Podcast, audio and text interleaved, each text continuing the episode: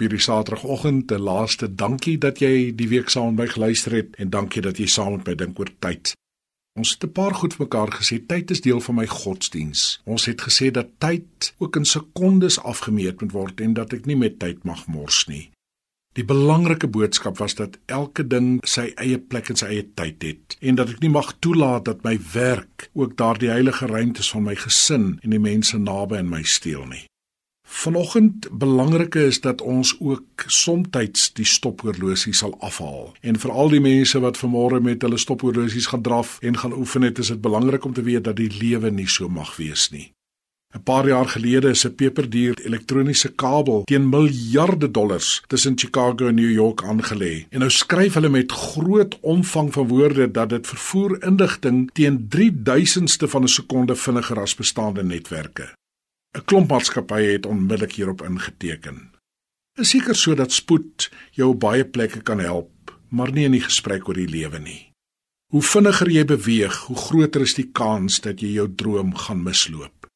Daar is ongelukkig nie 'n snelbaan vir die soeke na sin nie. Jy sal soms in die stadige baan moet ry, selfs van die pad moet aftrek en heeltemal tot stilstand kom. Dit is een van die wette van God se koninkryk dat jou siel jou eers inhaal wanneer jy stadiger beweeg. Besluit daarom vandag en dis 'n goeie tyd om daaroor na te dink hierdie naweek om rustiger te word. Al skreeu alles en almal. Versnel jou pas, werk nog harder, raak nog meer betrokke, moenie agterraak nie. Een van die stories wat my lewe so geraak het, is die storie van Stanley wat op reis was na Livingstone en hier eers in Afrika die oggend toe hy die tent uitkom, toe staan sy draers almal op 'n afstand sonder hulle reissakke. Haastig want hy wou by Livingstone uitkom het hy vir hulle gesê gaan kry dadelik julle goed dat ons kan beweeg. En toe antwoord die woordvoerder toe sê hy meneer Stanley ons gaan nie vandag beweeg nie. Hy sê ons het so vinnig getrek dat ons ons siele agtergelaat het Ons gaan eers hier wag dat ons siel ons inhaal. Natuurlik gaan daar tye wees wanneer jy nie van die vinnige na die stadige baan kan verwissel nie, maar dan kan jy ten minste oefen om die regte reëls vir spesifieke bane na te kom.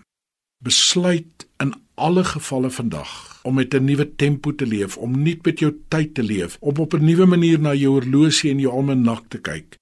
Besluit vandag dat God dit vir jou as jou verantwoordelikheid het en besluit vandag om bietjie stadiger te stap. Daar is soveel mooi om rondom jou raak te sien en God wil dit vir jou wys. Goeiedag.